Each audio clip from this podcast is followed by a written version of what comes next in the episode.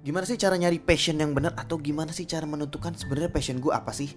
Oke, back with me Ben Akirbo di Level Up Less Than 5 Minutes. Dan kali ini di sini udah ada Febriaji ya yang udah follow Twitternya di @febriaji. Di sini dia adalah seseorang seseorang apa ya udah diperkenalkan lagi nih. Ya dia ada kakak gua yang dia em, kerja di Singapura sekarang di posisinya di Vice President di DBS Singapore. Senior Vice President. Oke. Ya dan hari ini dia mau share tentang gimana caranya menentukan passion atau gimana sih cara nyari passion in less than 4 minutes sisanya. Ayo let's go. Febriaji silakan. Waduh, gila eh, harus pertanyaan. Jadi ini tadi em, Bena sempet nanya-nanya gimana sih anak-anak zaman sekarang nentuin passionnya sendiri gitu Ya kan. ini jadi pertanyaan yang sering Jadi banget tanya. pertanyaan yang sering banget ya katanya.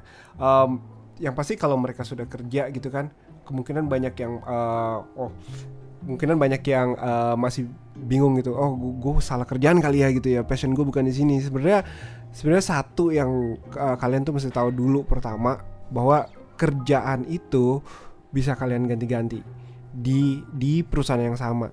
Oke, banyak departemen terus di tim yang sama pun itu sebenarnya ada eh, pekerjaan yang beda-beda gitu ya dan nentuin passion itu gimana ya sebenarnya kalian harus mikir ke back lagi ke eh, background kalian pengalaman kalian di masa kecil eh, masa kecil banget ya.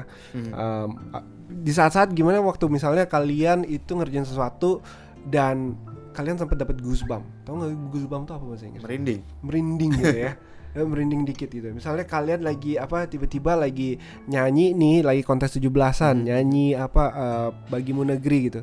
Dan kalian ngerasa merinding gitu pas lagi ngom nyanyi dan di di depan orang gitu. Nggak bukan masalah menang atau enggak ya.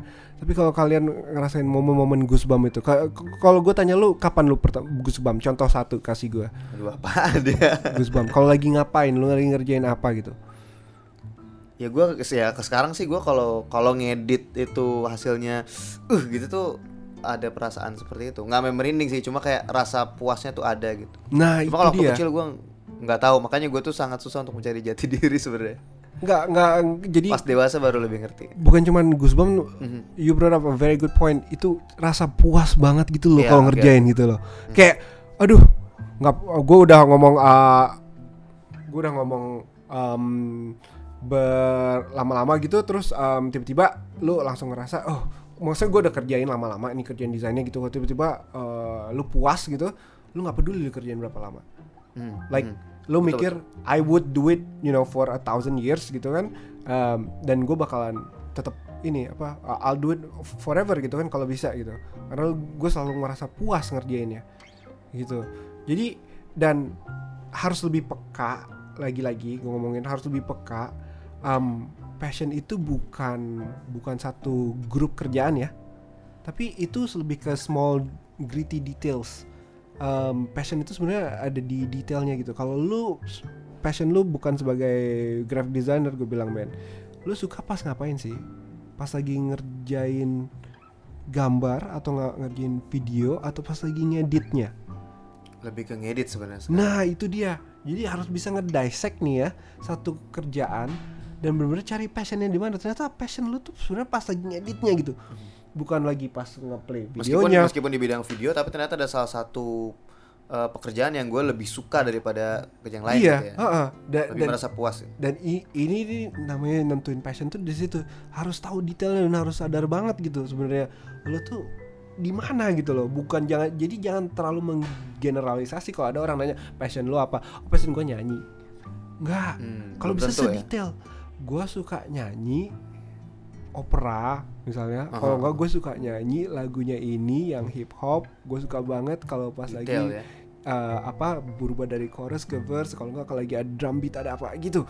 Sedetail mungkin dan itu, itu, itu passion lo yang mesti lo tentuin gitu. Karena lo sendiri yang tahu. Gitu. Dan kalau bisa di dissect lebih jadi lebih kecil gitu. Apa sih passion lo itu? Gitu. Ya. Lalu abis itu tinggal dikembangin lagi pas ntar nanti mau menuju dunia kerja gitu ya. pertama kalau lu ini proses yang nggak gampang Mm-mm. jadi kita jangan ngomongin the next step ngomongin dulu bisa nggak kalian nemuin passionnya dari yang kita Temuin udah- dulu ya. temuin dulu jadi sebi- sebisa mungkin sedetail mungkin kalian bedah tuh apa yang kira-kira kalian suka sampai ke bener-bener apa sih hal bagian kecil dari situ Hmm, yang kalian hmm. suka banget dan itulah yang sebenarnya jadi passion beneran kalian Oke, abis itu baru pelan-pelan dikembangin ya. Kayak misalnya eh, kalau misalnya lu udah tahu banget nih, misalnya nih lu masih sekolah dan lu tahu banget passion lu apa, ah lu misalnya bisa ngambil waktu-waktu luang lu buat ngembangin si passion itu. Kalau misalnya udah tahu ya, cuma memang again proses untuk mencari passion ini juga kadang susah dan makanya tadi si eh, Bang Feb bilangnya coba lihat waktu zaman kecil itu lu sukanya apa sih yang bikin eh, lu bener-bener puas saat ngelakuinnya. Gitu ya. Iya. Oke, udah next, habis next waktunya. stepnya buat next episode ya Next day, next itu.